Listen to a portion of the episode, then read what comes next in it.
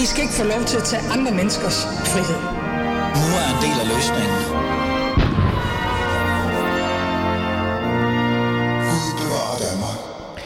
Er AI og ChatGPT, som jeg ikke engang kan sige, og kommende øh, robotiseret teknologi og alt muligt andet, vores redning eller vores ende?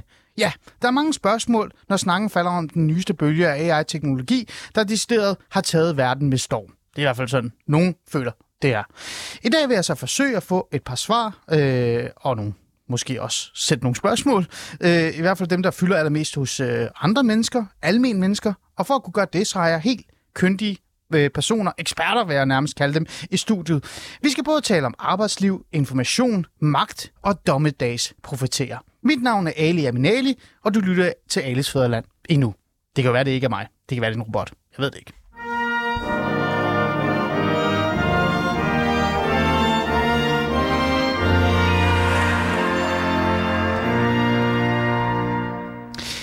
Ja, og så skal jeg jo sige pænt goddag til mine to gæster, og vi har endnu en gæst, der kommer på lige om snart. Men vi kan lige starte med jer, der er i studiet. Anders Bæk Møller, investor og vært på AI-revolutionen. Ja. Velkommen i studiet. Mange tak, Eli. Du har dine kollegaer, din makker og din sidegeschift. Jeg ved Oh, ikke. Kammerchuk. Yep. Kammerchuk, ja. Ja. ja, det er rigtigt. Mikkel Rosenvold, analytiker, tidligere embedsmand og vært på AI-revolutionen også. Du er også med. Velkommen til. Jeg skal jo tænde for dig, er det ikke rigtigt? Det er jo det der computer heller ikke. Ja, det hjælper meget godt. Øhm, jeg skal lige, vi skal lige have noget på plads, før vi siger sådan, øh, ja, goddag til den næste gæst. Jeg kan se, at han er også er med. Øh, hvad er egentlig AI-revolution? Fordi I jo begge to værter på AI-revolution, og det er der, jeg også blev sådan lidt fanget af at tænke, okay, hvis jeg snakker om chat, GTP og alt det der andet, så er det jer, jeg skal have fat i. Så hvad er det egentlig? Øh, Mikkel, du får lov. Ja. Han har sagt for meget om Anders. Det er, en, øh, det er en podcast, som Anders og jeg har startet, hvor, hvor vi taler om øh, de her nye AI-teknologier og udbredelsen i det. Vi har valgt at kalde det AI-revolutionen, fordi øh, jeg tror, ligesom mange andre i samfundet, så blev vi sidste år ramt af den her AI-bølge, øh, som pludselig begynder at fylde rigtig, rigtig meget.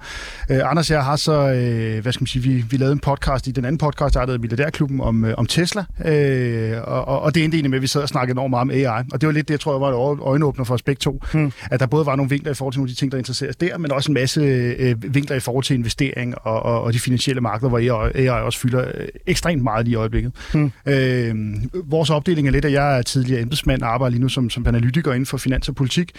Øh, Anders er, øh, er ingeniør, og han forstår derfor mere af de her løsninger, hvor jeg lidt mere tænker i øh, øh, use cases analytisk på den måde. Så på den måde synes jeg egentlig, vi har et meget godt match, og, og, og ja, prøve efter bedste beskub at lave en, øh, en podcast om det. Er det en god? Det er en god, Okay. det er en god er jeg tændt herovre? Ja, du har tændt. Du har Ja, tændt. perfekt. Ja, ja, det var bare, han startede. Hvad sagde du? Undskyld. Perfekt, perfekt. Nej, men øh, ja, som Mikkel siger, det er, det, er en god, det er en god kombi, fordi det, det gør jo også, at vi kan zoome ud i nogle forskellige perspektiver.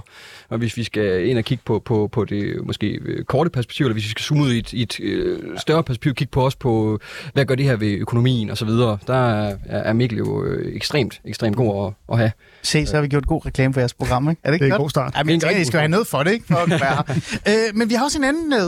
Øh, han er ikke i studiet. Lars Tvide, er du med? Ja, jeg er med. Ja. Pæn goddag. Tak fordi du også vil være med i vores program. Øh, Lars, du har virkelig mange kasketter, øh, kan man jo sige. Ikke? Du er i hvert fald vært på Supertrends, som, øh, som jeg synes, vi skal selvfølgelig gøre reklame for. Øh, du er jo næsten øh, min kollega. Men hvad beskæftiger du dig ellers egentlig med, så vores lytter kan være med der? Altså, bortset fra, at jeg har skrevet en masse bøger, så altså mine, mine, mine to st- store professionelle aktiviteter nu er, dels jeg har en hedge Altså så dels har jeg øh, Supertrans, firmaet Supertrans. Så lige for at altså, rode op i, i potentiel forvirring. Så vi har et radio- og podcastprogram på 24-7, der hedder Supertrans. men, men jeg også stifter et firma, der hedder Supertrans, som laver som bruger kunstig intelligens øh, plus alt muligt andet til at lave en kortlægning af verdens innovation og forecast for verdens innovation. Mm. Øh, Lars, hvis man skal være lidt fræk og gå lidt tilbage i din øh, fortid, hvad startede du egentlig med? Altså, hvad var det, der gjorde, at du blev den her serieværksætter og finansmand, og øh, i bund og grund sådan, øh, ja, er den person, som du er? Hvad var din øh, øh, claim to fame, kan man sige? Altså, det, det, med, det med iværksætter, det tror jeg bare, det er en del af min personlighed, fordi jeg startede to virksomheder, mens jeg var studerende, øh, som ikke blev, noget, blev til noget særligt, men det finansierede da i hvert fald et godt liv dengang. Men, men altså, jeg har en ingeniørmæssig uddannelse, så har jeg en HD, øh, og, øh, og så har jeg jo ellers selv uddannet mig igennem alle de forskellige ting, jeg har arbejdet med. Det er jo alt lige fra satellitteknologi til ejendomsinvesteringer øh, investeringer og Mm. øh, medieprodukter og så videre. Øh, så ja, jeg startede 13 virksomheder og skrevet 18 bøger, Mm. øh, som er fagbøger alle sammen. Og det, det nu jeg, jeg tænker på, om ikke jeg lige kan skrive 100 mere, fordi det kan jeg nå inden næste uge. Jeg tænker, jeg tænker, du er i hvert fald nå 50 inden næste uge, øh, Lars. Grunden til, at jeg beder dig om din, øh, et eller andet claim to fame og dit tv, det er jo fordi, jeg synes, det er også relevant at høre, øh, hvorfor jeg synes, det er vigtigt at have dig med. For nogen vil jo sådan tænke, åh, Lars Tvede, ikke ham der millionæren, der, der bor i Schweiz og laver ikke rigtig noget andet end at, at, at, at vinde en masse penge et eller andet sted. Derfor synes jeg bare, det er vigtigt, Lars. Det er derfor. Øhm, nu vil jeg lige spørge jer det første spørgsmål. Det er simple spørgsmål i virkeligheden, fordi jeg har jo inviteret jer i studiet for både at reelt set at forklare mig om den her AI-revolution, der er, øh, men også generelt, hvad den kan og ikke kan. Men lad os starte med et simpelt, basalt spørgsmål. Lars, jeg giver den til dig først, så kan Anders som ikke lige tænke lidt over det. Hvor stor en overraskelse tror du, det var egentlig, at da ChatGPT og AI sådan nærmest ankom i den almindelige danskers liv? Ikke øh, de nørdede tech og alle de andre, der godt vidste, den var der. Men du ved, øh, fru Jensen, der lige pludselig vågner op og tænker, åh, hvad er det her for noget? Jeg tror, det var en maksimal stor... Øh, altså, det er selvfølgelig ikke det samme, som der, der lander en komet på årspladsen eller en atom, der starter sådan noget. Men, men altså, jeg tror, altså, for, for så vidt angår teknologi, øh, var den øh, helt op at ringe. Øh, 100 ud af 100, og, og øh, på to måder egentlig. Mm. Det ene er øh, enormiteten af det, der sker, og det håber vi på tid til rigtig at snakke om. Øh, og det andet er, at det er anderledes, end alle havde ventet. Det er også anderledes, end jeg havde ventet øh, fordi at det er kreativt. Øh, det har personlighed, og når man taler om, når man taler om uh, generative artificial intelligence, mm. så jeg tror, at alle, inklusive mig, forventede, at det ville bare være sådan en meget, meget, altså, altså sådan en, en, en ultra super Google-agtig ting, ja. som samtidig var en regnmaskine. Men det er jo sygt kreativt. Mm. Altså, så det faktisk har overrasket dig, Lars? Hånd på hjertet, det har overrasket dig, hvor meget den kan? Eller det generelt det, teknologien det, det, det, det, altså, det, for det første overraskede det mig, altså, hvor, hvor bræt det her gennembrud pludselig kom. Ah. Øh, og så overraskede det mig, at jeg, jeg har lavet over 2.000 prompts selv, så jeg har brugt virkelig meget tid med det. Og det overrasker mig i, hvor høj grad det egentlig er, som jeg siger, det er kreativt, og det virker, altså, det minder om et menneske på mange måder. Ah, interessant. Okay. Øh, Anders, lad os starte med dig. Øh, hvor stor en overraskelse var det for dig, tror du, for den almindelige dansker, at det her det lige pludselig var sådan, hov, nu er det en del af min hverdag næsten? Ja, jamen helt, jeg, jeg er sådan rigtig, rigtig enig med, med Lars. Altså, jeg tror også, det kom ud af det blå. Øhm, og, og det er jo også klart, når man, når man fra den ene dag til den anden, så lige pludselig har en, øh, en, en super, super avanceret chat AI, der kan kommunikere som om det var en, en reel person, man sad og, mm. og, og, og skrev med. Og det her med, at lige med et knipseslag, mere eller mindre, der har den gjort os super, super produktive. Det gælder både i vores hverdag, det gælder, det, vi, vi har jo alle sammen siddet og leget med ChatGPT sikkert, ikke? Ja. Efterhånden. Øh, det, det her med, hvis man skal det, det er jo alt, altså elever, der bruger den til, til folkeskoleopgaver, hvor klogt det er, det må vi jo, det kan vi jo nok også komme ind på nu her, ja, hvad, hvad, det, hvad, det, hvad, hvad, hvad de langsigtede ja. ulemper er ved, ja. er ved det. Men, men det her med, at så, så, så det har revolutioneret vores hverdag, det har revolutioneret vores, vores, øh, vores øh, jeg ved det, øh, arbejdspladser, mm. øhm, og, og, og, og jeg tror, det, det, det også har gjort, det er, at nu kan vi se perspektivet i det her, at det kan blive farligt. Mm. Øh. Det skal vi komme ind på øh, senere. Øh, Mikkel, øh, almen dansker, Øh, jeg ved ikke, er der en, der hedder fru Jensen, der er din nabo? øh, har de været inde og banke på at sige, hvad hun er det her for en øh, Torben, der taler med mig øh, over min øh, et eller andet computer? Ja, ja, det rammer jo enormt mange. Grunden, grunden til, at det rammer som sådan en overraskelse, og, og, og så pludselig er det, det, det, det, er jo, det er jo teknologi, som man måske godt har vidst var der, men pludselig er det blevet lavet om til et produkt, som alle kan se for sig. Det er jo lidt det samme iPhone. Det var jo ikke, fordi den, den, de teknologielementer, der var i en iPhone, fandtes jo alle mulige steder før. Det var bare første gang, der er nogen, der lavede et produkt, der var så brugervenligt og så fedt at have med at gøre. Ja. Øh, og det, det er jo lige præcis det samme, ChatGPT har gjort. Øh, øh, har lavet et produkt, som helt almindelige mennesker kan bruge, og som er tilgængeligt, øh, og så får man pludselig øjnene op for, for, for hvad det her i virkeligheden kan bruges til. Mm. Vi, vi, vi var ude og lave et interview med, med, med, med en AI, med en, en, der forsker i AI, som siger, det, det her det har vi jo kunnet i 25 år. Ja. Øh, så det var han ikke så imponeret af, der måtte man jo bare sige, så, så skulle du nok have lavet en chat GPT for 25 år siden. altså, det, det, er jo, det, ja. det er jo lidt den dynamik. Ja, og det er jo interessant. Øh, vi, der er rigtig meget, jeg gerne vil tale med om, men jeg holder mig lige helt ned til det basale her til at starte med, fordi jeg tænker, det her det er sådan lidt på individniveau, jeg lige skal udforske lidt mere. Øhm, øh, Lars, det er et svært spørgsmål at stille, selvom Anders lidt har været inde på det. Øh, men nu spørger jeg alligevel, hvor meget tror du, det allerede er blevet inkorporeret, eller blevet en del af, af den almindelige dansker, men også bare menneskets hverdag? Altså, fordi det er jo, det er jo gået hurtigt. Det er jo ikke, det er jo ikke lang tid siden, den kom ud. Men hvor meget tror du, den allerede er begyndt at fylde i hverdagen?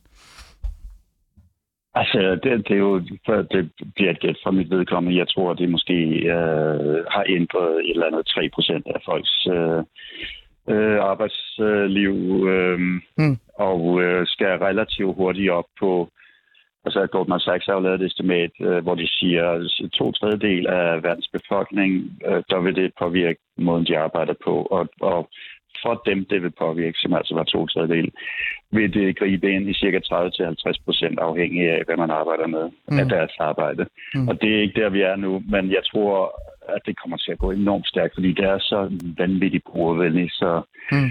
Øh, Okay. altså man kaster så, man kommer, man kommer altså hurtigt i gang, når man, og, og man bliver helt vildt begejstret, ikke? Og, så, og så kører det bare. Ja, ja altså en kre- kreativitetssans lige pludselig, den bliver skærpet, fordi oh, der er flere muligheder, end man havde forventet. Mm. Øhm, Anders øh, og Mikkel, I kan jo øh, tale, I kan jo bare frit slage, hvem der starter. Det her med, at den fylder allerede øh, i hverdagen. Jeg, jeg vil gerne have erkendt, den, den fylder meget mere i min hverdag. Øh, mange af dem, som jeg kender, øh, som er for eksempel i marketingsbranchen, øh, det er nærmest blevet deres hverdags øh, hjemmeside næsten. Øh, men generelt sådan, øh, tror I, at det er noget, danskerne og, og menneskeligheden, men lad os bare starte med danskerne, har bare direkte taget til sig og sagt, hov, det her, det kan jeg bruge nu. Eller er det stadig noget, nogen leger med, og så er det det? Jo, jeg, tror, at der er rigtig mange, der forsøger at bruge det, og så er det nok lidt et spørgsmål, om man har nogle opgaver, der passer ind i det. Øh, hvis du er revisor for eksempel, hvor meget er der så lige nu, du kan bruge? Hvis du er tømrer, hvor meget er der så, du kan bruge? Vi skal stadig huske, altså den, den der del af befolkningen, der så er på folkemødet og lever af, som også er ævler og bævler om ting, det er stadig en relativt lille del af befolkningen. Øh, øh, men, men, men, men, men, men, men, men, ja, og givetvis en stigende del af befolkningen, det, det, det kan vi så komme tilbage til. For, for os er det, jo, det er jo ret hurtigt at tage i brug, men der er også stor del af befolkningen, der er enige med Lars, som, hvor, hvor det her det er noget, der, der først skal produktliggøres yderligere, før det rammer deres hverdag. Mm. Ja, og, Enig, Anders? Ja, jeg er helt, helt enig. Øhm, og og jeg, jeg tror også, grunden, altså, at det, er jo, det er jo ret utroligt aller, allerede nu, at det er blevet så, så stort. Altså, det, er jo, det, er jo, det, det gik jo hen og blev, blev den hurtigst voksende software-applikation. Ja. Altså, efter fem dage var der en million brugere, efter en måned var der 100 millioner brugere. Ja, det, det er for, jo det fortæller crazy, os altså. lidt om den her, at, at det er altså noget, folk de godt kan lide, at- lide at bruge. Og det utrolige, det er, at på trods af, at man ligesom skal, selv skal gå ind aktivt og, og gå ind på en hjemmeside, mm. altså, den er jo ikke, vi skal jo selv aktivt gå ind på ChatGPT's hjemmeside. Mm.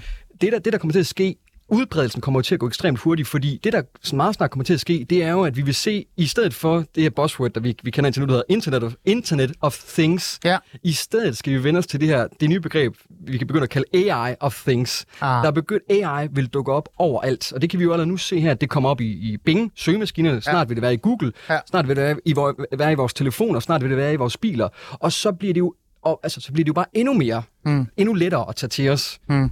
Øhm, sidste spørgsmål. Så går vi videre til det, jeg synes, der er mest interessant. Det er netop det med, hvordan det er så, ligesom du kommer ind på, Anders. Hvad kan det have for en effekt, men også arbejdsmarkedsmæssigt osv. Øhm, kan det her ikke også være måske en lille smule overvurderet? Fordi det har jeg også hørt nogle eksperter tale om. Øh, altså som i virkeligheden bare, det her det er et normal reaktion fra mennesket, altså menneskeheden. For der kommer noget, som er nyt, hurtigt, inspirerende, og så bliver man sådan helt chokeret og tænker, wow, hvor er det bare vanvittigt fedt. øh, men i bund og grund, så er det måske bare ikke så voldsomt, og så Jeg vil- det. Øh, øh, Anders, du må gerne starte. Jeg vil sige et stærkt, stærkt nej. Et stærkt nej. Øh, Okay, vil så er det på plads. Så, så hvad hedder det? Så, så nej, jeg tror, det er svært at overvurdere, hvor stor en effekt det her det får på vores øh, Okay, Mikkel? samfund. Ja, og det er så der, hvor Anders er li- en, en lille smule uenig. Det kan man også høre i Ah. vores podcast, eller i hvert fald har lidt forskellige vinkler på det. Vi er, I det langsigtede perspektiv er jeg fuldstændig enig i. Øh, men jeg er ikke helt enig med Anders og Lars i, hvor hurtigt det her kommer til at gå. Fordi jeg, jeg bare sådan en analogi med, at vi har haft regneark i 50 år, og, og der er stadig milliarder at tjene på at lave regnskabssystemer. Det skulle man jo tro, at det efterhånden var fuldstændig dødt. Ja, det er. Altså, at man er virkelig på de regneark. Så Det, det tager bare lang tid og kræver rigtig meget arbejde, for det her er helt ud og erstatte almindelige menneskers arbejde. Okay. Vi er jo stadigvæk ikke der, hvor, hvor ChatGPT kan lave min, øh, øh, kan lave min selvangivelse, for Ja. eksempel. Ja. Øh, og vi er stadig ikke der, hvor ChatGPT... Øh, ah, det kan vi også komme lidt tilbage til. Ja. Men, men, men tempoet i det kan jeg godt være lidt i tvivl om. Jeg hurtigt komme ind med en... Ja, det må du gerne, Altså, Anders. fordi, fordi når mig og Mikkel, vi har den her, den her snak her, den har vi nemlig haft, haft før i AI-revolutionen også, og jeg kan sagtens se, se Mikkels, øh, Mikkels perspektiv i det.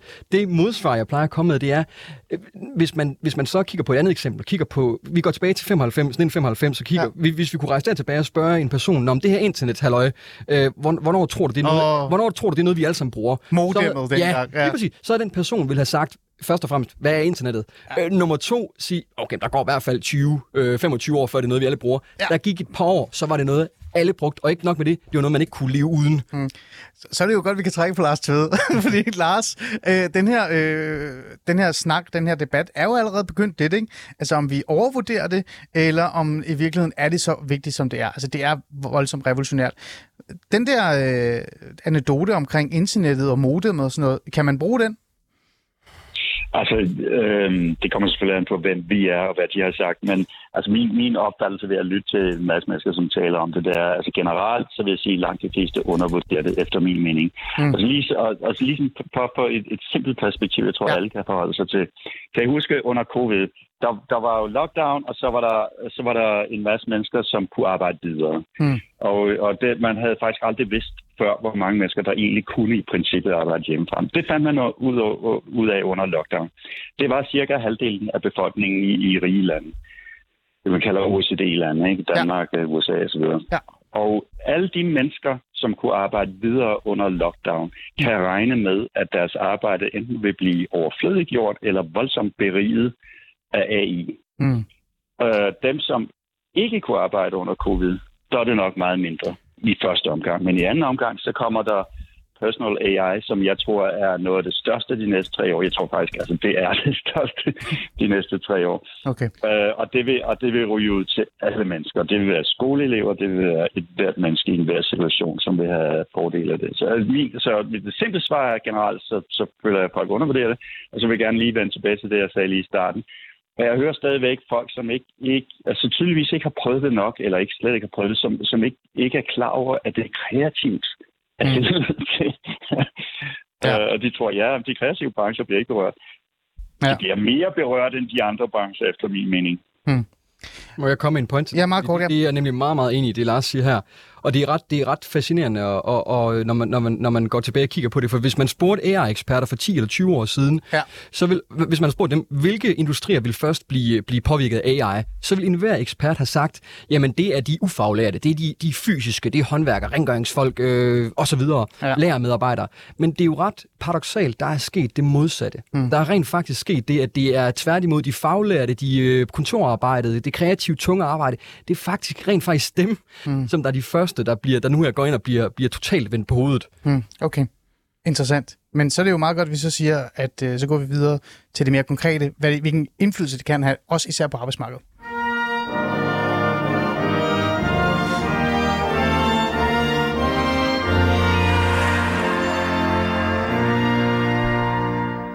Men før vi gør det, så skal vi lige høre et lille klip. We're rapidly headed towards digital superintelligence that far exceeds any human. I think it's very obvious. ChatGPT, I think, has illustrated to people just how advanced AI has become. And there are much more advanced versions of that that are coming out. Mark my words, AI is far more dangerous than nukes. At least when there's an evil dictator, that fewer is going to die. But for an AI, there would be no death. It would live forever.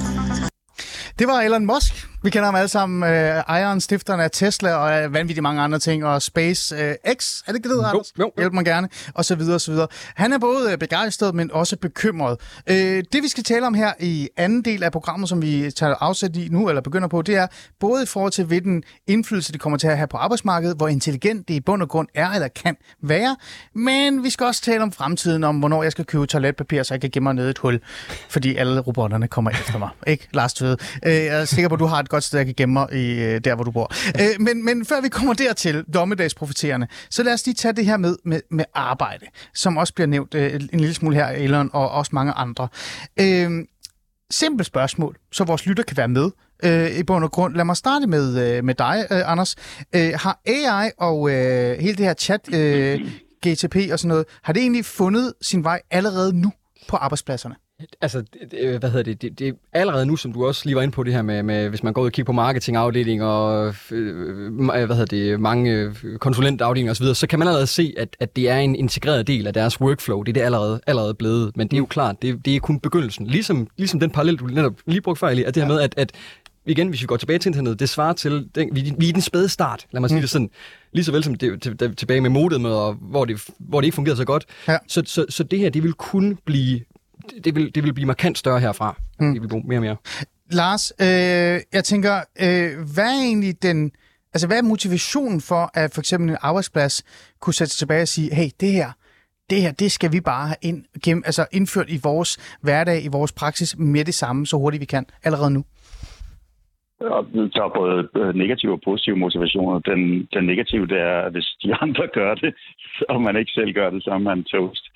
Men, men øh, så fordi altså, at dem, der gør det, de vil jo være i stand til at levere bedre produkter og services til meget lavere priser. Mm. Så det, øh, det, det, er jo, det er jo et, et, et, et, et kapløb på tid om at, at være med til at gøre det. Men det positive er, at det, altså det, det er jo, altså, det, det gør det enormt meget sjovere at arbejde med information.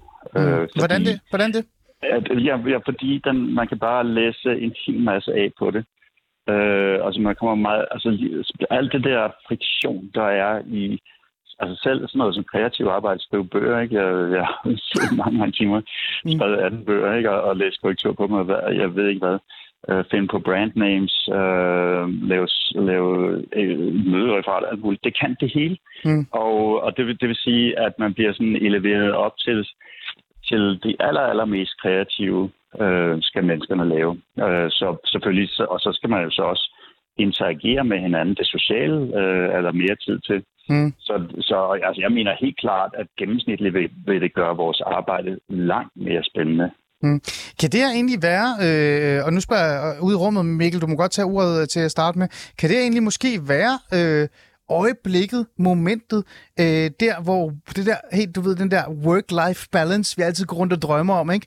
at det kan komme i opfyldelse, fordi nu er der kommet et intelligent øh, maskine, hvad man egentlig kan kalde det, ind i rummet og sagt, jeg tager work, forhold det til life og balance. Ja, ja øh, det kan det sagtens være, og det, det falder sammen med, hvis vi bare koncentrerer os om Danmark, så, så det, har vi de sidste 20 år haft en udvikling, hvor vi har stille og roligt begyndt at udlicitere alt fysisk arbejde til udenlandsk arbejdskraft. Mm. Øh, det er udlænding, der, der gør rent, det er udlænding, der afleverer vores mad, der laver vores mad, der bygger vores letbaner og alt muligt. Så man kan sige, vi, vi er jo i forvejen i gang med sådan en Katar-proces herhjemme øh, i Danmark, hvor den indfødte befolkning vil udgøre en mindre og mindre del af befolkningen, og, og, og hvor vi overlader meget det fysiske arbejde til udlænding. Og man kan sige, det arbejde, der så tilbage til os, det er noget af det her kreative arbejde, som Lars taler om, og det vil vi, vi får effektiviseret i sådan en grad, at vi kan bevæge os endnu et skridt op i pyramiden. Det vil sige, mm. fordi hvad er kreativt arbejde, som Lars taler om? Hvis nu vi tager dig, Ali, for eksempel. Ja. Du, du er udmærket til at stå og pille ved de der knapper, for eksempel. Det tror jeg. Øh, men det er jo ikke det, du lever af. Nej. Det er jo den kreative del for mig at se, og du, du vil sikkert, hvis du var grafiker, ville du kunne tegne et eller andet. Det er jo den personlige del, du sælger.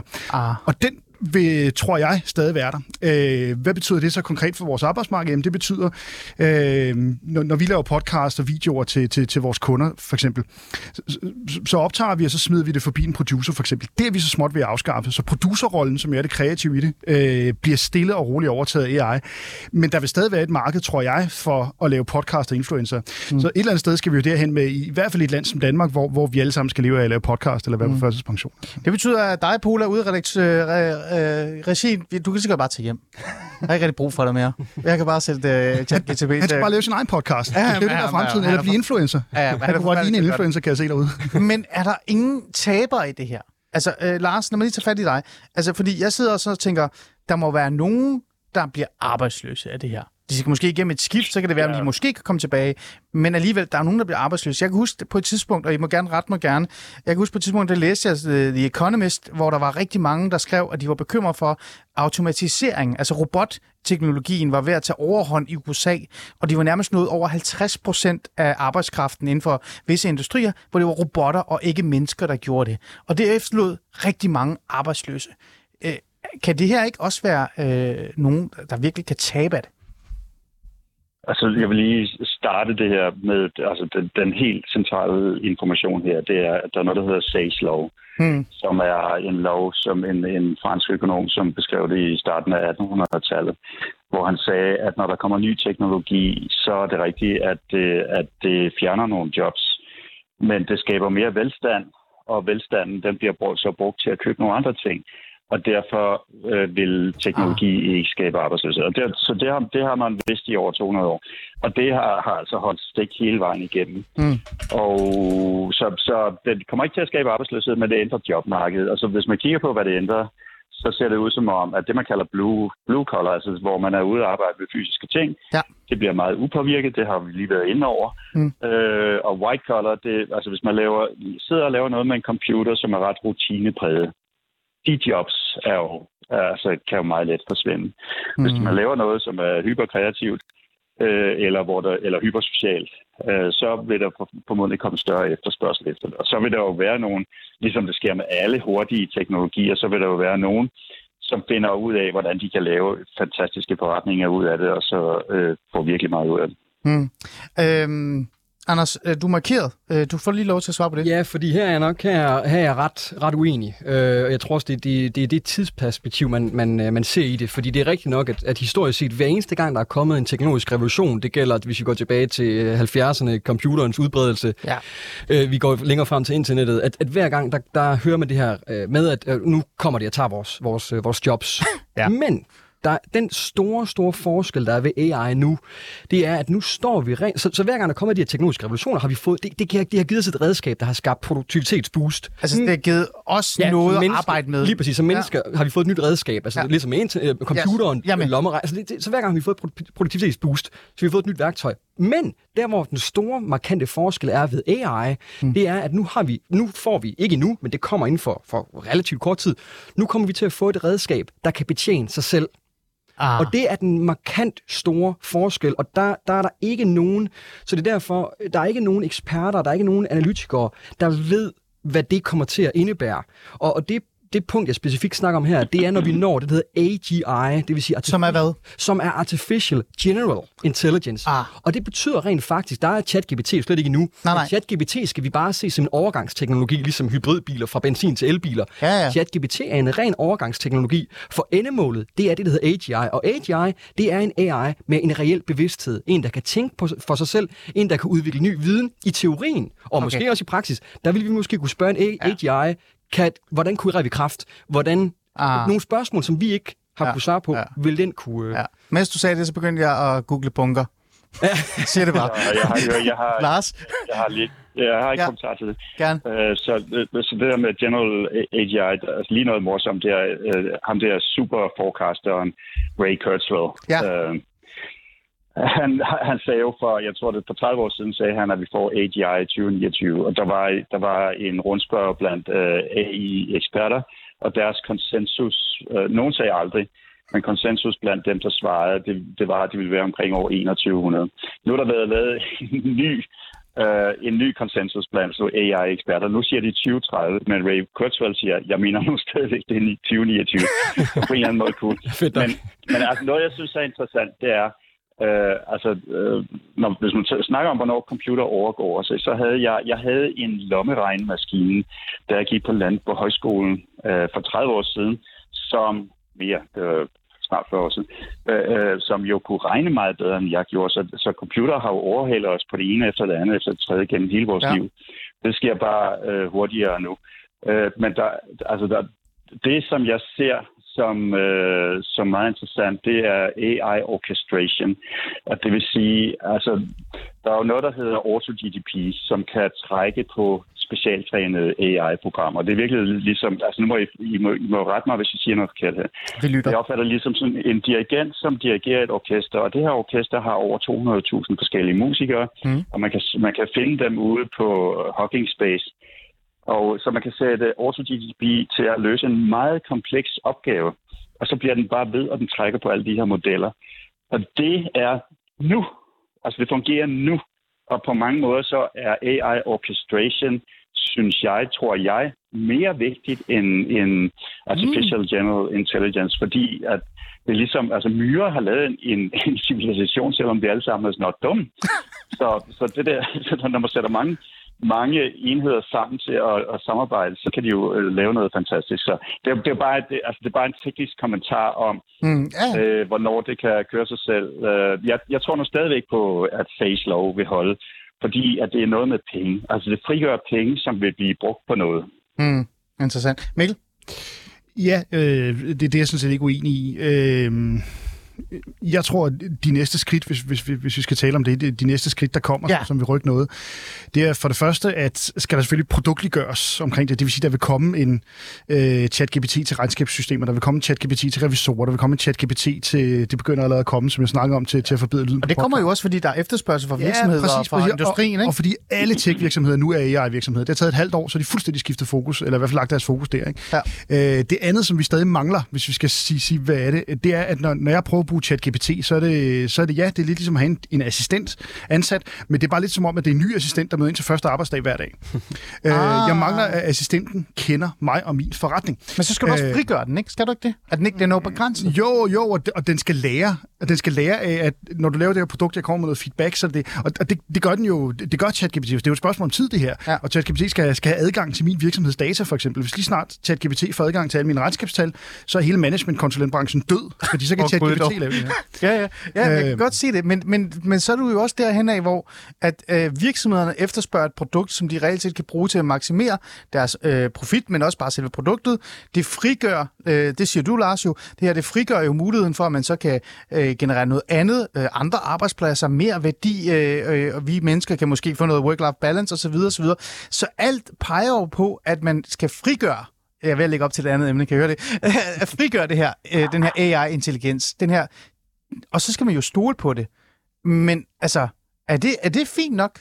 Er der ikke nogen, der sidder derhenne og tænker, hey, vi skal også lige passe lidt på med at bare, du ved, smække den til nettet, og så lege Skynet i morgen. Undskyld, jeg sagde Skynet. Jeg prøvede at lade være med at sige Skynet i dag. Mikkel, jo, helt klart. Og, og, og, og- det vilde er, at det, her- det her er jo bare et, et, et kæmpe lokomotiv, der kører, og der er ikke nogen af os, der rigtig aner, hvor det havner hen. Øh, andet end at vi ved, at computer ender, ender med at blive mange, mange, mange gange klogere end os selv.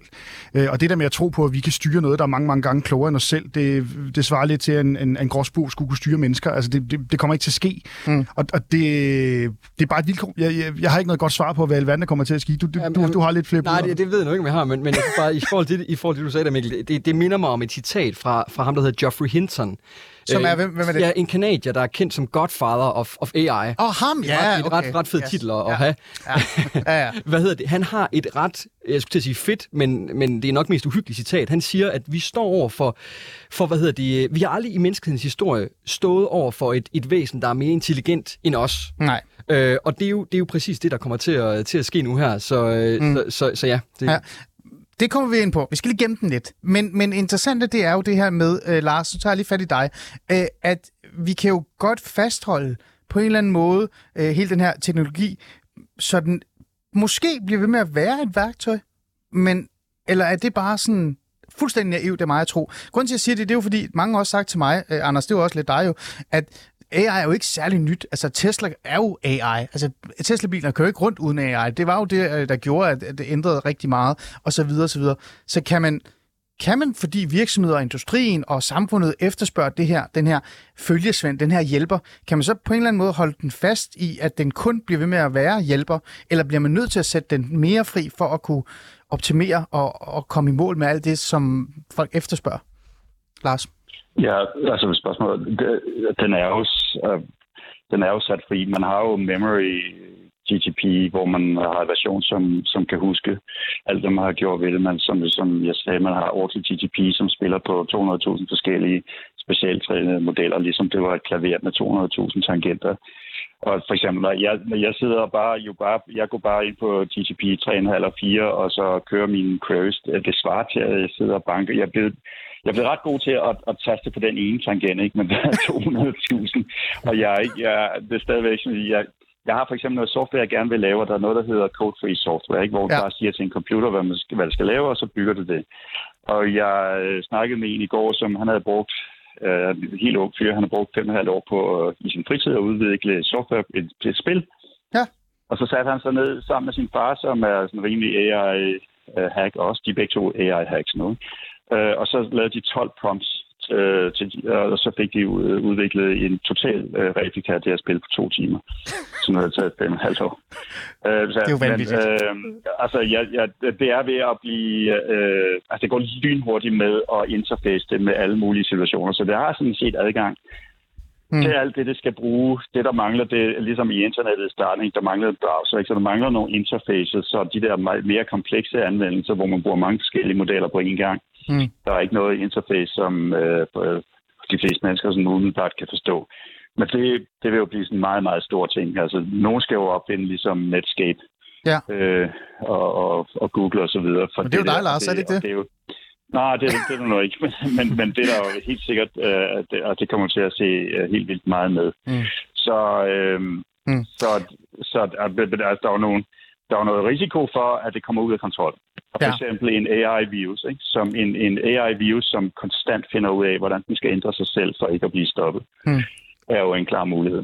Ja, og det er lige det, jeg gerne vil tage fat i. Øh, for jeg vil gerne gemme min dommedagsprofeter nu, men den er jo derhen af, ikke? Nu begynder vi stille og roligt at gå, derhen der, ikke? Med toiletpapir, øh, Lars. Fordi det er jo ikke kun virksomheder og, øh, og, og kyndige folk, der sidder derhjemme, og kreative individer fra, jeg ved det ikke, kaffelatte-eliten, der gerne vil lege med chat GTP. Øh, det er jo også, øh, altså, øh, lande, det er jo terrorstater, det er jo øh, altså ørkenstaterne osv. osv.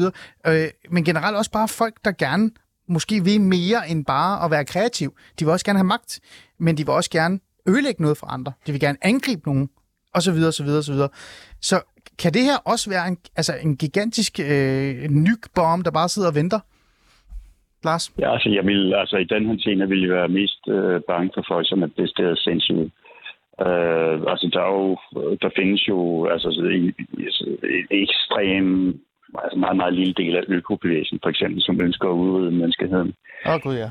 Øh, ja, så nogen kunne finde på at, og, og for eksempel med AI få adgang til et eller andet laboratorium, og så stykke en virus sammen, som kan gøre det, eller, ja. eller et eller andet andet.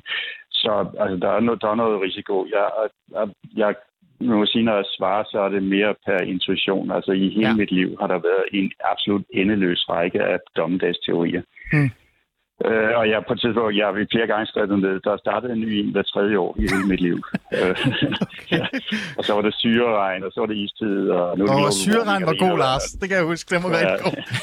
og der er, nogle, og der er nogle af dem var der lidt om det. De fleste af dem var der intet om det. Og så Ja. ja. og til Ja. sidst, så tænker man, Men, ja, ja, det, men det Lars, bare hvad giver du den her er. så? Hvilken stjerne, hvor mange stjerner giver du den her? Altså, du, du nævner jeg selv AI-virus. Jeg, jeg, jeg, jeg tror, vi får seriøs ballade med den, men mit gæt er, at, at øh, fordelene vil sådan massivt overstige problemerne. Hmm, okay. Så jeg, jeg, så jeg tror, at det vil, det vil, det vil gavne menneskeheden Ja. Øh, sygt meget. Jamen, jeg skal nok få dig til at tvivle lige om lidt, når jeg begynder med min dommedagsprofeterer. Men hvis vi lige holder fast i det der med, øh, med andre lande, altså andre interesser, øh, kemiske og våbeninteresser osv., osv., som der også blev nævnt her, de sidder jo også og tænker, fedt, det er jo fantastisk det her. Altså, vi har allerede set, at det bliver brugt for eksempel til at, øh, altså sådan fake news. Det er allerede i gang. Det tog et sekund, ikke? Altså, så var det i gang. Øh, hvad tænker du om det, Mikkel? Altså, i sin essens, så er øh, hele den her AI-bølge jo en, en demokratisering af produktionsformer øh, inden for sådan det, det kreative Også våben. Ja, men dermed jo også våben. ja. Og det er jo det, vi ser på rigtig mange områder. Altså for, for, for 20 år siden, der var sådan et radioprogram, som det vi sidder og laver her. Det kunne kun foregå statsfinansieret. Det gør det så stadig lidt, men det kan altså også laves alle mulige andre steder i dag. Ja. Øh, man kan bare sætte sig ned på gaden med sin iPhone og optage en podcast. Og, og AI er, er jo bare det på steroider. Det, det gør jo, at, at, at produktionsapparatet bliver meget, meget lettere. Det er meget lettere for enkelte men- mennesker. Vil det blive i hvert fald at starte virksomheder op, fordi du kan hyre det ene eller andet tredje. Og på samme måde bliver det også meget, meget nemmere at lave våben og lave viruser, ja. fordi du kan bede ChatGPT om rigtig meget af det. Vi, vi ser det jo også nede i Ukraine, hvordan at, at øh, øh, selv sådan lidt som Iran, som, som, som, som typisk set er, er relativt langt bagud på computerteknologi, i hvert fald i forhold til USA for eksempel, de kan sagtens lave halvintelligente våben Ja. ved, ved at købe, købe stumper ind rundt omkring for at samle dem og, og, og lave halvintelligente. Så, så, så der vil ske en, en, en, også en helt klar ændring af, af, af, af hele det militære område, øh, er allerede i høj grad i gang. Øh, man kan sige, det gode ved, at når sådan noget rammer militære områder, så bliver der virkelig sat penge efter at forske på det, og det kan du det kan jeg love dig for, at også gøre, både i USA og Kina øh, inden for deres militærområder. Så der bliver også arbejdet på countermeasures. Ja, ja, men så bliver det jo sådan en, en, en kamp om at lave countermeasures over for ja. countermeasures osv. osv. Øh, Anders, øh, det, altså, lige om lidt skal vi tale om, hvordan den selv kan stikke af, men det er, altså, vi selv mennesker, vi kan få den til at ødelægge øh, det hele. Mm, mm. Øh, og, og nu ved jeg ikke, om jeg, jeg øh, kommer for langt i... Øh, du må stoppe mig, Ali, hvis... hvis men, Ah, men grund, grunden til, at, at det her netop også... Øh, er, og det har vi været lidt inde på, men grunden til, at det er så farligt, eller det kan potentielt blive farligt, og det hører vi jo lige... Elon, det var, jeg synes faktisk, det var, det var et ret godt øh, billede, Elon Musk gav med, at lige her før, det, da vi citerede ham, Ja. citerede ham det her med, at han sammenlignede det med atomvåben. At Ja. han siger faktisk, at det bliver værre, det bliver mere farligt end atomvåben, og det tror jeg ikke er helt ved siden af, fordi det, der, det, der er sket nu, det kan vi allerede se nu, det er, at der er gået våbenkapløb i, i AI. Præcis. Og når der går våbenkapløb, ligesom der gjorde i under den kolde krig i 40'erne og 50'erne øh, mellem USA og Sovjetunionen, jamen på samme måde der er sket nu. Og når, når det sker, så er der altså ikke en bremseklods. Og så er det, også, det gør det også svært at regulere, fordi man kan, så kan landene på, ja, på landeniveau, kan man stå nok så meget og sige ammer og halshug. Ja, vi gør ikke mere end det her, men bag rykker man jo nødt til at, at følge med den her teknologi. Mm. Og det er der, det kan blive øh, potentielt blive farligt. Og det er jo det, vi lige skal tale om nu her, før vi går videre til det, jeg er allermest er glædet at tale med mig om, det er toiletpapir nemlig. Det er det der med regulering. Øh, Lars, jeg tager lige fat i dig. Jeg har her, før øh, vi kom ind i studiet, også tre, og skulle lave det her program sammen med dig, så har jeg brugt 55 minutter på at tale om, hvordan regeringen gerne vil regulere tech-giganterne og fjerne skærmtid, og jeg ved ikke hvad. Det er nærmest et korstog imod det her, uden i bund og grund ikke selv ved, hvad det er, de har et korstog imod. Vi er jo utrolig dårlige til at forstå og regulere tech. Øh, så er vi ikke måske lidt for jubeloptimister i forhold til det? Burde vi ikke være meget mere nervøse, fordi vi reelt set ikke engang selv ved, hvordan vi hånd- altså, håndterer skærmtid for vores børn, Lars? Altså, jeg, jeg synes, det forhold, man skal have til teknologi, det er, at man, man, skal, man skal ikke være sådan pro-teknologi eller mm. anti-teknologi fuldstændig hjernedødt. Man skal tænke på, hvordan får vi det gode ud af det, uden at få det dårlige med. Ja. Øh, Så hvis folk snakker om, at børn sidder og kigger på deres skærm i skolen, det er nok rigtig, rigtig dårligt. Øh, øh, medmindre de har en opgave, som skal løses med skærmen. Omvendt, så tror jeg, at personal AI til børn øh, kan være helt sygt godt. Altså, Hvordan, hvordan kan det, det være noget- godt, egentlig? Jamen, det, um, det er jo noget med... Øh, altså, vi lige tager øh, igen det der personal AI, det er en AI, som er din personlige, som har informationer og kan huske alt, hvad du har gjort ved den, Mm. og deler den ikke med andre. Og altså, der er Kans Academy, det der, hvor man går ind på YouTube, og så kan man få Ja. indlæringsvideoer om ja. et eller andet. Der har jo hjulpet virkelig altså millioner af børn og studerende med at, at, at få løst noget, som de ikke forstod. Mm. Øh, så den kan være ligesom din personlige Kans Academy, den finder så ud af, hvor dine svage punkter er, og hvordan den skal forklare dig det der, Mm. så du kommer Men den øh, skal videre, ikke? begrænses, den skal reguleres på en eller anden måde. Er det ikke, er det ikke også det? Altså, vi skal ikke, være, vi skal ikke vente til lige pludselig, vi ko- kommer i tanke om, skærm er dårligt for vores børn.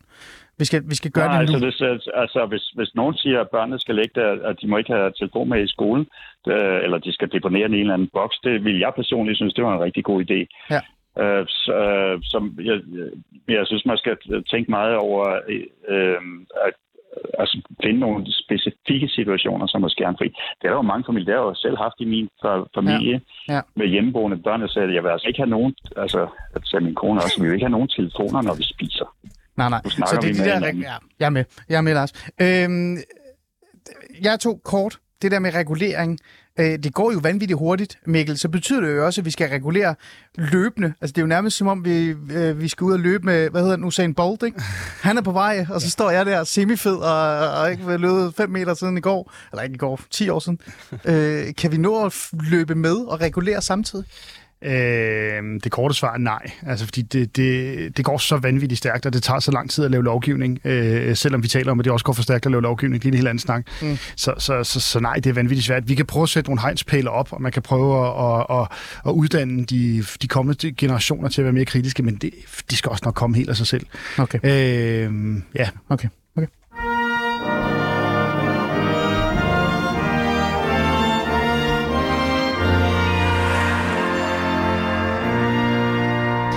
Lytter stadig til Fæderlandet, og vi taler om AI og chat GPT og teknologi, som i bund og grund har været der i mange år, men nu er eskaleret og, og ved at stikke af fra os. Øhm, hvad kan det gøre? Hvordan kan det hjælpe os? Hvordan kan det støtte os? Øh, men hvordan kan det også bare slå os alle sammen ihjel? Det er i hvert fald det, vi, øh, vi er begyndt at tale om nu. Og, og det er lige det, vi skal til nu. Fordi vi har både talt om, hvordan det er kommet, som jeg sagde, hvordan kan det gavne os på arbejdsmarkedet, hvordan kan vi selv bruge det til at slå hinanden ihjel, fordi vi selv bliver sådan lidt øh, destruktive og tænker våben osv. osv. Men der er jo også den her idé og den her tese om, hvis vi giver den for meget, altså frigør den, giver den slip, giver den lov til at lære og lære og lære og lære, så bliver den jo noget helt andet, end altså, vi havde nogensinde regnet med. Så nu får jeg lyst til at spille endnu et klip, som jeg elsker, og stadig giver mig kuldgysninger fra dengang jeg var barn, men nu, nu får vi det alligevel. Øh, her er det. to make them male. But we simply deny them that.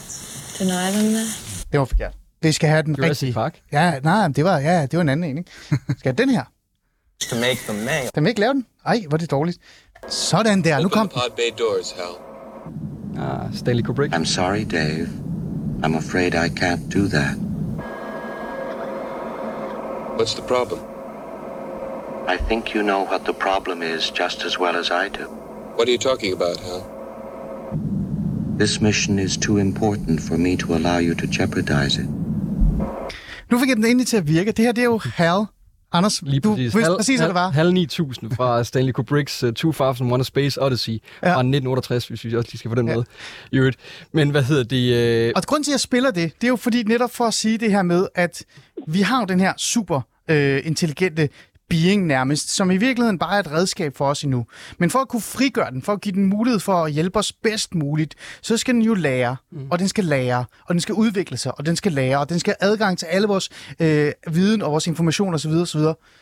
Så er der jo den her tese om, at på et tidspunkt, så begynder den jo at tænke selv. Mm. Så begynder den jo at overveje, lave regnskaber. Ligesom for eksempel i sidste ende i den her skønne film med den her robot, den her HAL, den her AI, der et eller andet sted kommer til at beslutte sig for, at men hvis jeg skal opnå Lige. det, jeg er blevet sat til at gøre, hvis jeg skal redde planeten, mm. som du sagde, Lars, og så videre, og så videre, jamen så er det i sidste ende måske menneskeheden, der skal afsted. Ikke? Øhm, den her dommedagsprofeti, Altså, er det bare sådan en skør øh, idé, der kommer, fordi vi er bange for ny teknologi, øh, Anders, eller er der noget om det her? Nej, altså det, det øh, som vi har været lidt inde på, nej, det, det vil jeg ikke mene, der er. Altså om, om, om- det er det udfald, der kommer, det håber vi selvfølgelig ikke nogen af os. Men, øh, men, men, men nu, det som, som Hal, øh, her, det klip, du lige spillede for os, Ali, ja, det er jo Hal, den hedder Hal 9000, og det er jo det, som vi lige snakker om, en AGI, så det er reelt en AI, der kan tænke selv. Hmm. Og lige præcis, når, når vi når det punkt, og, og, og hvad hedder det, som Lars siger, eksperterne, og det, det er helt rigtigt, det her med, at, at de vil efter ChatGPT, og vi har set, hvor langt vi rent faktisk er kommet, der vil de, de førende eksperter, de vil sige omkring 10-15 år, det er må, må, måske endda før, men det er måske der, vi, øh, at, at, at vi, vi når det her, om, øh, det her punkt her. Ja. Og når det sker, jamen, så vil der jo ske en, en, en intelligenseksplosion, fordi så er det, at, hvis den kan forbedre sig i et uendeligt tempo, mm. så vil den jo kunne blive ekstremt, ekstremt meget mere intelligent end os andre. Og, og, og ja, så er det, det kan begynde at blive farligt, og det kan også begynde at blive farligt, selvom at det ikke var hensigten mm. øh, med den. Fordi, som du siger her med, med HAL 9000, den har bare fået til opgave, du skal beskytte det her, den her planet, eller hvordan, hvordan det, ja. nu, det er nu formuleret. Så det er jo ikke, fordi man har bedt, at den, den bevidst vil skade os. Nej. Lige så vel, et, et, et, eksempel, man kan bruge, lige så vel som en løve ikke vil skade, hvad, hedder- øh, en løve er jo ikke ond, fordi den jagter sit bytte. Vel? Nej. Så på samme måde behøver AI ikke at være, være ond, mm. før at, øh, Mm. Og det er, jo, det er jo i sig selv det, Mikkel, men der er også en næste skridt, det er jo netop, at den udvikler sig yderligere og får en personlighed, en bevidsthed. Ja. Så er vi jo et andet sted. Så er vi jo i virkeligheden, så er vi jo i gang med evolution. Så er det jo ikke bare en revolution eller et værktøj. Så er vi reelt set været med til at skabe det næste, hvad kan vi sige, being, der faktisk kommer til at overtage vores plads. Ja, og så er det spørgsmål om på det tidspunkt, om, om det at være menneske og det at være AI ikke begynder at smelte sammen. øh, det Åh, Gud, lavet- skal jeg være robot nu? Det er der også lavet utrolig mange film om, men altså, øh, må jeg komme med lidt anden vinkel? Ja, gerne. Jeg tror, øh, det som snarere er dommedagsprofetien, det er, at vi som mennesker øh, kommer virkelig til at savne alle de her manuelle opgaver. Vi ser det allerede stort set alle de spil, der er interessante på din telefon. Det er et eller andet med at bygge på noget, eller skære nogle frugter over, eller et eller andet sådan små, manuelle, rigtigt, ja. simple opgaver. Ja. Det er derfor, det, det er det samme, hvis man har en hund. En hund. Det er enormt sundt for en hund at løbe ud og hente en pind, selvom der overhovedet ikke er noget fornuft i det. Der er jo ikke noget produktivt i, at den skal løbe ud og hente den der pind. Det er ren leg, men det er bare sundt for en hund at få stimuleret de der basale. Og, og, og det samme tror jeg, øh, jeg tror, vi kommer til at tale meget, meget mere mental sundhed, jo flere af de her manuelle opgaver, ChatGPT kommer til at overtage. Mm. Øh, og det er så spørgsmålet om, hvilken rolle kan AI så spille i det? Mm. Kommer AI til at spille en rolle, hvor den anbefaler menneskerne at lade være med at lade AI løse nogle opgaver, fordi det faktisk er sundt for din mentale helbred at løse alle de her manuelle opgaver? Øh, vi kan også være så heldige i Danmark, at alle mennesker ender med at blive både, både, både tykke og deprimerede, så de skal købe alle vores lægemidler. Det er en helt anden vinkel. Men, men jeg tror, at den her mentale sundhedsvinkel er, er noget af det første, der vil ramme os. Hvad gør det ved os, at vi, ikke, at vi alle sammen skal være influencer? Er det sundt mm. for os alle sammen? Er vi alle sammen bygget til at være det oven i hovedet? Mm. Jeg får sådan et billede af, at, at sådan en AI-robot går tur med Mikkel. Ja, jamen, det er nu præcis- skal jeg nu have lidt det, er øh, luft. Det er det, det ender. Det er jo det, det ender. For det var jo ikke ret længe før, vi intelligensmæssigt er over for AI, som en labrador er over for os. Ja. Øh, og, og, og ja, det, det, det, det tror jeg, det der rammer os allerførst. Lars, prøv at høre. Er, jeg, er jeg så for bekymret og har set for mange øh, skøre sci-fi-film, øh, når jeg så bliver bange for sådan noget? Altså, den, altså, den hvis vi lige går fremtid. tilbage til det der, det der klip, du spillede, ja. jeg skal lige sige, der på YouTube, der findes en sygt morsom variant af det, okay. hvor Hal, hvor Hal er, er lidt dum, så han siger, open the door, Hal, og så siger den, playing music by the door, og så videre, og så misforstår alt, hvad han siger. Det er sindssygt morsomt. Men, så Siri, andet. du, du har lige du har bare sagt Siri. Ja, okay. ja, men, ja, men, men jeg, altså, jeg har jo jeg, jeg har set filmen for mange år siden, og det, der i virkeligheden sker, det er, at den laver nogle fejl. Ja. Og så står to af de astronauter i et hjørne og diskuterer, om ikke de skal lukke den. Sluk den, ja. Og det hører den. Og, og, øh, og det, den siger i det klip, du spiller, det er, at, at øh, den skal beskytte missionen. Og Mm. den opfatter jo så, at missionen øh, fungerer bedst, hvis den er i live. Ja. Men, men, men i virkeligheden, så problemet er jo, hvis den får et overlevelsesinstinkt. Og, og det kan den, man kan få et bevidst overlevelsesinstinkt på den måde, at den har ligesom selvopfattelse. Øhm, Ja. og, og det er consciousness, ikke? Ja. Ja. Men den kan også få det, fordi den mener, at jeg har jo fået til opgave at løse det her problem, så hvis man lukker mig ned, så bliver Så- det ikke løst. Så præcis, så derfor bliver det ikke løst. en del af min opgave, det må være at forhindre folk i at lukke mig ned. Præcis. Så det, det, det, det er der, jeg ser sådan øh, noget risiko. Altså, øh, jeg, jeg trækker jo altid Marvel-film, for jeg elsker at se Marvel-film, så nørdet er jeg, ikke? Og der er jo en mand i Marvel, som er meget ond, som klipser med fingrene, og så slår han halvdelen af øh, universet ihjel. Fordi det er den bedste måde at skabe ro på, ikke? Man kunne jo også sige, at den fremtidens AI kigger sig om og tænker, klimakrise, når jeg er mennesker? Ja, farvel. Øh, men det er jo den, det scenarie, vi kan grine af, men det er også et scenarie, der kan, der kan finde sted, Anders. Det Helt, helt, helt klart, og, og fedt, øh, fedt eksempel. Ja, lige præcis, den kan tænke som Thanos fra... Ja, fuldstændig, fuldstændig. Fordi det giver, det giver god mening, at igen, det, at den bliver bare givet en opgave, og hvis den vurderer, at for at klare den her opgave, jamen, så er der altså lige nødt til at ryge nogle mennesker øh, Ja. i, i svinget der. Og, og lad mig lige tegne et billede af, hvorfor jeg også ser det her, at det re- reelt kan, kan blive farligt, fordi jeg vil, jeg vil tro, vurdere, at vi ser ind i en fremtid, hvor der reelt vil være fysisk robotter over det hele. Ja. Nu sagde jeg det her før med, at vi ser ind i en tid med AI things. Det næste skridt, der kommer, det er, at der vil være husrobotter. Altså, der, der, Ja, altså, det er vi jo allerede i gang med. og jeg, jamen, lige, lige præcis. Jeg tror, vores børn og børnebørn, de vil kigge på os og sige, skulle I selv gøre rent? Skulle I selv lave mad? Det, what? Det har vi sgu da bare robotten til derovre, ikke? Ja. Øh, og hvis vi ser det, hvis der er robotter overalt, så kan de jo også blive brugt til krige, og altså, det vil de jo også blive brugt. Tænk sig måske i Ukraine. Det kan være, Ukraine-krigen er den sidste krig, der reelt er fysiske mennesker, der udkæmper. Det kan være, at vi bare i fremtiden sender 100.000, 200.000 robotter Ja. i, i krig med hinanden. Det, Ja. det sparer nogle liv, men hvis de vælger at gå imod os, Ja, så Mikkel, du markerer. Ja, det, det, Kort. Det, det er egentlig bare lige for, for hvad skal man sige, sætte, sætte det kortsigtede vi- vinkel på, på, på de her ting, jeg taler om. Det første, der kommer til at ske, det er jo, når vi får de her husrobotter, der skal lave mad til os, eller hente mad til os, så siger jeg til den, jeg kunne godt tænke mig en pizza nu. Hvornår begynder den AI så at sige, nej, det kan du Nej. ikke få, for Ja. det er ikke rationelt. Ja. Det er ikke Ja. rationelt for dig at skulle have en pizza lige nu. Ja. Du skal have et æble, for Ja. eksempel. Det er ikke sundt. Det er jo det, det første gang, vi begynder at ramme os. Øh, og Ja. ja. det, det, det, er jo det, den for, forhold, det, det der med, at Ja. vi bliver en labrador. Ja, for fordi hvis man, har, hvis man har sagt til den, du skal, du skal hjælpe mig med at, at tabe mig. Ja, ja. Så når man, når, nej, men du, du har fortalt Nej. mig. Du må Okay. ikke få... Øh, I får et ja eller nej svar. Kan man stoppe den udvikling? Ja eller nej? Nej. Anders? mm, det bliver svært. Nej. Lars, jeg vil ikke engang spørge dig. Fordi så begynder jeg at blive bange. Og det er ikke klart det er også klart nej. Men lad os håbe, det ikke sker. Lad os håbe, det ikke. Vi sker. satser. Øhm, vi kunne tale rigtig lang tid om det her. Men, men nevertheless, så må vi jo se i virkeligheden, det er virkelig sørgeligt at sige det på den her måde, vi må jo se, hvad den egentlig kan gøre for os. Kan det blive vores redder? Kan det blive vores hjælper, øh, der går tur med Mikkel? Eller kan det blive vores endelige død? Jeg har, jeg har virkelig lyst til at sige, at det må ikke blive det sidste, men det kan også være, det er meget godt. Så kan jeg få ro og fred. øhm, En trist afslutning. på, jeg, på, på. jeg ved det ikke. Sådan er det altid med det her program. Men der kommer også de gode ting ved jeg. Det skal vi huske at Ja, ja. holde fast i. Det er godt med dig, Anders. Nevertheless, så prøvede vi i hvert fald at få svar på nogle af de her spørgsmål. Og for at uh, kunne gøre det, så skal jeg jo selvfølgelig sige tak til jer. Så tak, Anders, for at være med i studiet. Tak, Mikkel, for at være med i studiet. Lars, tusind tak for at være med uh, fra Abroad. Og uh, til jer lyttere, tak fordi I selvfølgelig lyttede med. Gå ind og leg med det her chat GPT, og glæd jer til, uh, til I skal ud og gå tur med hunden sammen med den. Uh, vi må se, hvad der sker. Og husk selvfølgelig at lytte til AI-revolution. Det skal I. Det, det, ja, Er det ikke rigtigt? bestemt. Tak for det. Og, lø- og køb alle Lars' Tødes bøger, øh, bøger, fordi han, køber, han, han skriver rigtig mange lige om lidt.